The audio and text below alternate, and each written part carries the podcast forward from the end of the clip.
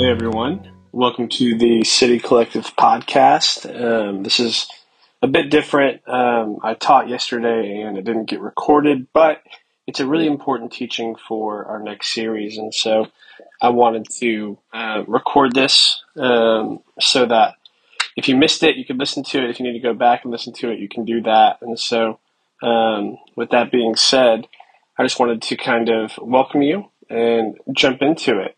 So, um, our church is beginning a journey through a new book of the Bible. Um, we're really excited about it. We think it's going to be awesome, but we know that anytime we come to a book of the Bible, um, any book of the Bible really, that we have a ton of ideas, opinions, perceptions about it. And perceptions are a really strong thing. In fact, um, author Tyler Staton, in his book Searching for Enough, he has this moment at the end of it where he talks about a study that was conducted by Stanford University.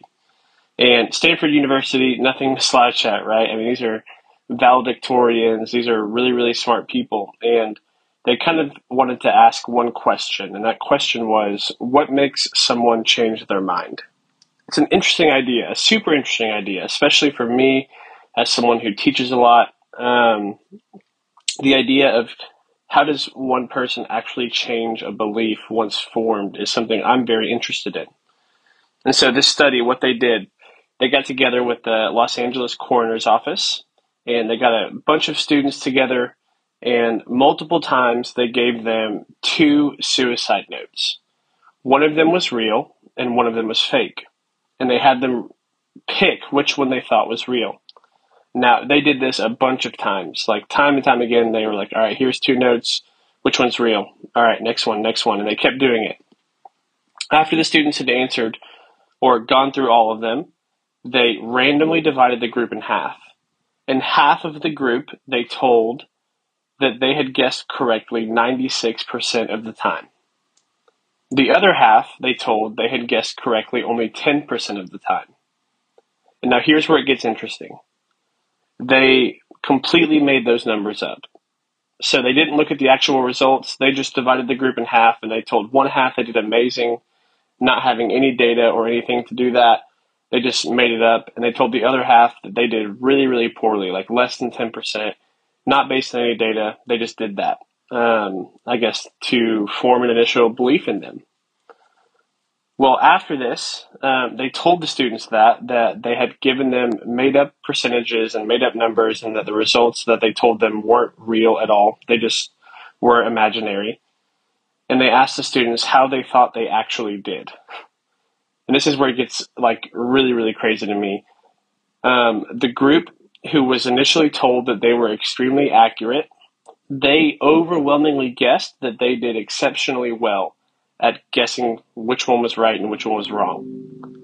The group that they told did poorly guessed that they did well below average and like with overwhelming results. Here's the thing. The students based their belief about how they did on claims that they had just been told were completely fabricated. They were lies, not rooted in anything factual. And despite that, it did little to nothing to change their minds about how they thought they actually did. They tried this study a few years later with another group and they found the same results.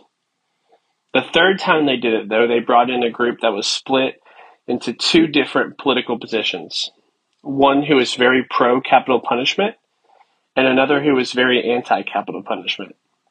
And this time, what they did was they gave each group fake studies. The groups didn't know they were fake, but they gave them fake studies that had all kinds of research and statistics and data that disagreed with the position that they had coming into it.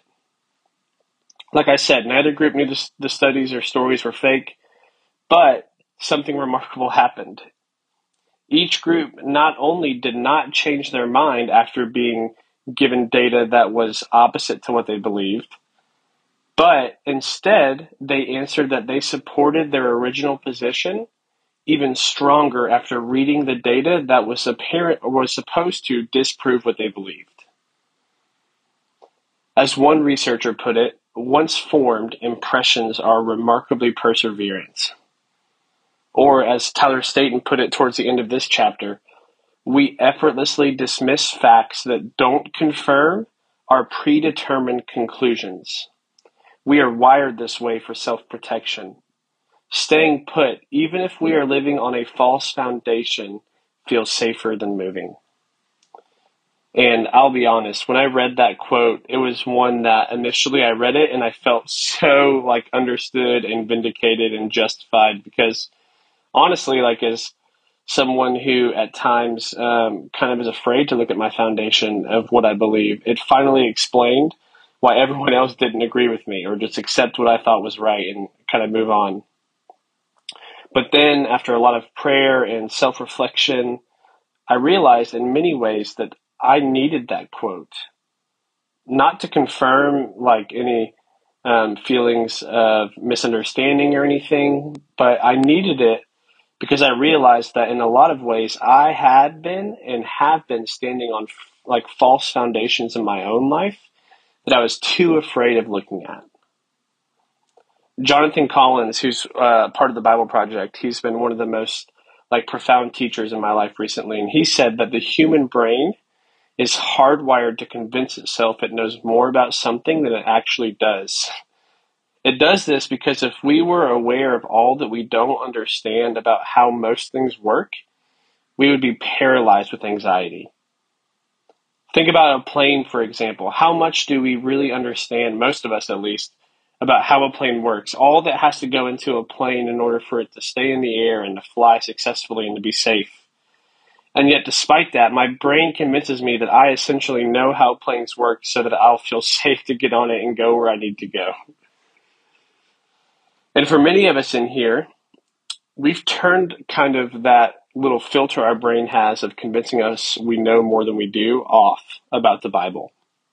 Because honestly, the Bible stopped making sense a long time ago. And see, now, since we've done this, we've become really convinced that we have to completely change our view of the Bible so much in order for it to like have any part of our life that we're not really sure what's trustworthy or what's true or what's worth our time for some of us, we're still trying to figure it out. And for others of us, we probably haven't even noticed that our brain does this. And honestly, we probably need to turn off that switch some that leads us into curiosity and start asking, like, what is there to be curious about? And what is there to explore about this amazingly beautiful, complex collection of texts? And so I want you to kind of do something for me if you're listening to this. I want you to try to maybe turn that off, or if you can't turn it off or you don't want to, just pay attention to what comes into your mind when I tell you that the book we're about to begin together is the book of Genesis. Now, there's all kinds of things that probably pop into your mind. And that is the next book we're going to be studying through. We're not going to read from it today. My goal today is more so to lay a foundation so that we can really approach it and enter into it and like sink our teeth into it well as a church together. But I think in order to do that, we have to talk about a lot of stuff first because for most of us, when we hear the book of Genesis, we immediately think of creation debates or created order or original sin or forbidden fruit or who wrote it or all kinds of stuff like that. And if I had to guess, most of the things that come to our mind, they're kind of around the question of like accuracy or how creation happened or if it's literal or figurative or anything like that. And those aren't bad questions necessarily, but I think that we do the authors and like the word of scripture a disservice if we don't recognize that most of the questions we have they arise from what's called a western worldview so what is a western worldview well to start off if you're listening to this, you're probably a global Westerner. um, it's not a value statement thing. It's not a bad thing. It's kind of an abstract thing to try and describe. Sure, we can try, but um, it's kind of like asking me to describe what it means to be a Jones or asking Matt what it means to be a Moore. It's not something we've spent a lot of time thinking about because it's how we were raised, it's our habits, the way we think, act, form beliefs. It's just a part of who we are. But the authors of the scriptures, they weren't Westerners. Sure, the New Testament had Greek influence, and so they had much more of a Western worldview influencing their thinking. But the Old Testament or the Hebrew Scriptures, this is written from a distinctly ancient Near Eastern collection of texts, or ancient Near Eastern worldview, sorry. These are people who had an ancient Near Eastern perspective. They used ancient Near Eastern methods. And that was how they wrote and thought and how they went about describing what they were describing in these books. Now, I want to make something really clear early on. I'm not suggesting or even trying to pretend that we can be ancient Near Eastern thinkers or that we should because that's better than being a Western thinker or anything like that. That is not at all my goal. Dr. Tim Mackie, also of the Bible Project, he, however, he, he makes the point very early on in any study of the Old Testament, which he's a Hebrew scholar, so he does that a lot, but he makes the point that whenever we read a text, we're reading it as tourists. And I think that's a really, really good analogy. You see, everything we understand about life as Americans the gestures, the mannerisms, the cultural values, the slang, the um, subtle things that we do it's all distinctly rooted in living in America. If we were to go to another country, though, there are so many things that we would need to make sure we did if we were going to be a respectful tourist and a lot of that is humbly submitting to learning what life is like in that culture. For example, um, I'm a huge fan of English soccer or football, whatever you want to call it. But I remember really early on, I was watching a game, and the commentators they're from England, um, and they were there was a play where the ball was going towards the sideline, and it was looking like it was about to go out of bounds, and a player dove to try to keep it in, and the announcer said that he just about kept the ball in. And as an American, I remember sitting there thinking, okay, like play's going to stop. They're going to have to throw the ball in. It's going to change possession. Um, but none of that happened. And I quickly learned that for English people, if you use the phrase just about, that means that you did it by the finest of margins. In America, we understand that to mean that we tried as hard as we could and we almost did, but we didn't quite get it. And so think about like the subtle differences in me speaking the same language, living in the same time, inhabiting much of the same thought as these people, completely misunderstanding the meaning of a phrase that I thought for sure I understood, or at least I understood it in my context. Now, apply that to people who lived thousands, if not more than that years before us who lived in a completely different cultural climate, who had different ways of communicating with their literature. Like, the more things that are different, the more work we have to do to be respectful tourists to learn and to say, um, what did you mean by this? See, we have so many beliefs we've formed around the book of Genesis. Some of them are really good, but some of them are the result of trying to filter an ancient Near Eastern text through a Western set of questions. And honestly, sometimes that's about as useful as me trying to act as a tour guide in 13th century Cambodia or some country I've never been to and couldn't tell you the first thing about. We just have to recognize that. So, what actually is Genesis? Well, put simply, it's the first book in what is called the Tanakh or the Hebrew Scriptures or what we as Christians call the Old Testament and it is primarily Jewish meditation literature, meaning that they were meant to meditate on it, to think on it, to let the text kind of read and interpret them as they thought about it for a long time. And we believe this was inspired by God and that it communicates the story of God and the world primarily through God's relationship with the Israelite nation as told in story form. This book contains Hebrew poetry and narrative, and it's all telling the story of Yahweh, who the Jews believed was their God amongst a number of nations who were also trying to compose their stories of who they thought God was.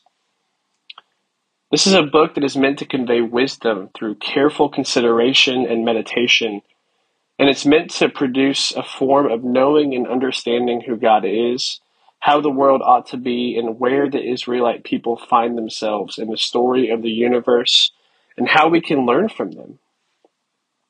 And for the ancient Near Eastern people, knowing isn't just downloading information like we do on a hard drive. In fact, a lot of the Hebrew people um, one of the most common words for to know is yada, and it, it like implies this handshake knowledge, this intimate, deep knowledge. If you want to get even more specific with it, like it is said that when Adam and Eve conceived, that Adam knew Eve. So knowing is not just downloading a piece of information or hearing a piece of information and storing it. It is experiencing something on a deep, intimate relational level. And so, with that definition out of the way, I want to further touch on the differences between a Western worldview and an ancient Near Eastern one. Now, most of this information it, it's taken from a podcast called the Bema Discipleship Podcast. Um, you can find it. It's done by Marty Solomon and Brent Billings. It's it, it was so great. I couldn't help but um, not just basically write it all down as I was researching for this teaching. So just know that if you want more, go check them out. But um, for us as Western thinkers, we primarily use words to express truth, and we know words by definitions. We prefer prose and outlines and bullet points for our information. If you don't believe me, think about in school how many times were you tasked with teaching something and you had to make a PowerPoint presentation? What's fascinating to me, though, is despite the results of the study I mentioned earlier at Stanford, we think that data and facts will change our minds because we think we're rational beings and we're a people who think, therefore we are, as it has been said. To us as Western thinkers, we can know something is true based on the scientific method. If we test, test it and get results that say one thing, then it must be true. And truth only ever exists to be an absolute certain thing. As Western thinkers, we think anything other than that for a definition is relativism, and we think that's useless. We believe that faith is learned and stored. And when a belief is stored, we would think that it's a steadfast thing that's almost like this statue. So if new information comes that counters it, we have to move to a different statue or move the statue altogether and break it all apart to get it to fit. For ancient Near Eastern thinkers, though, they think a lot differently. They communicate a lot differently. They prefer poetry and imagery and symbolism. Even their understanding of numbers and how to use them is way different than ours. Their understanding of knowing something is always through experience, as the truth of something unfolds before you on your way somewhere. That is a concept that I was super resistant against the first time I heard it. Faith is not as much about creeds, confessions, and doctrine as much as it is about uncovering what's true of God and life from the story. Because for ancient Near Eastern thinkers, the existence of God is always assumed. Every ancient Near Eastern culture assumed the existence of a God, and they were trying to piece together how they had gotten to where they were and how to deal with what was the ancient parts in their history. Faith is a journey that is not as much relative as much as it is an ongoing process that is bringing us somewhere through story. So, when we read the book of Genesis, we are reading someone who thought, breathed, lived, and only ever understood life from a fundamentally different point of view. Now, again, and I can't stress this enough, the goal is not to become ancient Near Eastern thinkers because they're better or anything like that. We cannot be anything other than a Western influenced thinker. And our Western understanding isn't worse than or bad necessarily. I mean, think of all the advances that we've made because of it, right? Like, who's who here wouldn't want to have toothpaste or something like that? The point I'm making is that both aspects of seeing and approaching life have brought so much beauty and good that I think, or at least hope, and I could be wrong, but I hope that in walking through trying to consider both perspectives, as a tourist in the text we read, but as people firmly planted in our society, we can glean and discern and learn the wisdom of God for how to live this life well. Something that ultimately, as we will see in a few weeks, is part of the fundamental test of humanity. Will we receive wisdom from God about what the good life is? Or will we take what we think is wisdom for ourselves? Now, in the podcast, Marty Solomon does something in the teaching that I think is really helpful that I can't do because um, I'm not a musician. But yesterday in the teaching on Sunday morning, I had Kat come up, and if you don't know this about pianos, then um, I guess this is a fun fact. But the left hand when playing piano is primarily responsible for like the bass notes.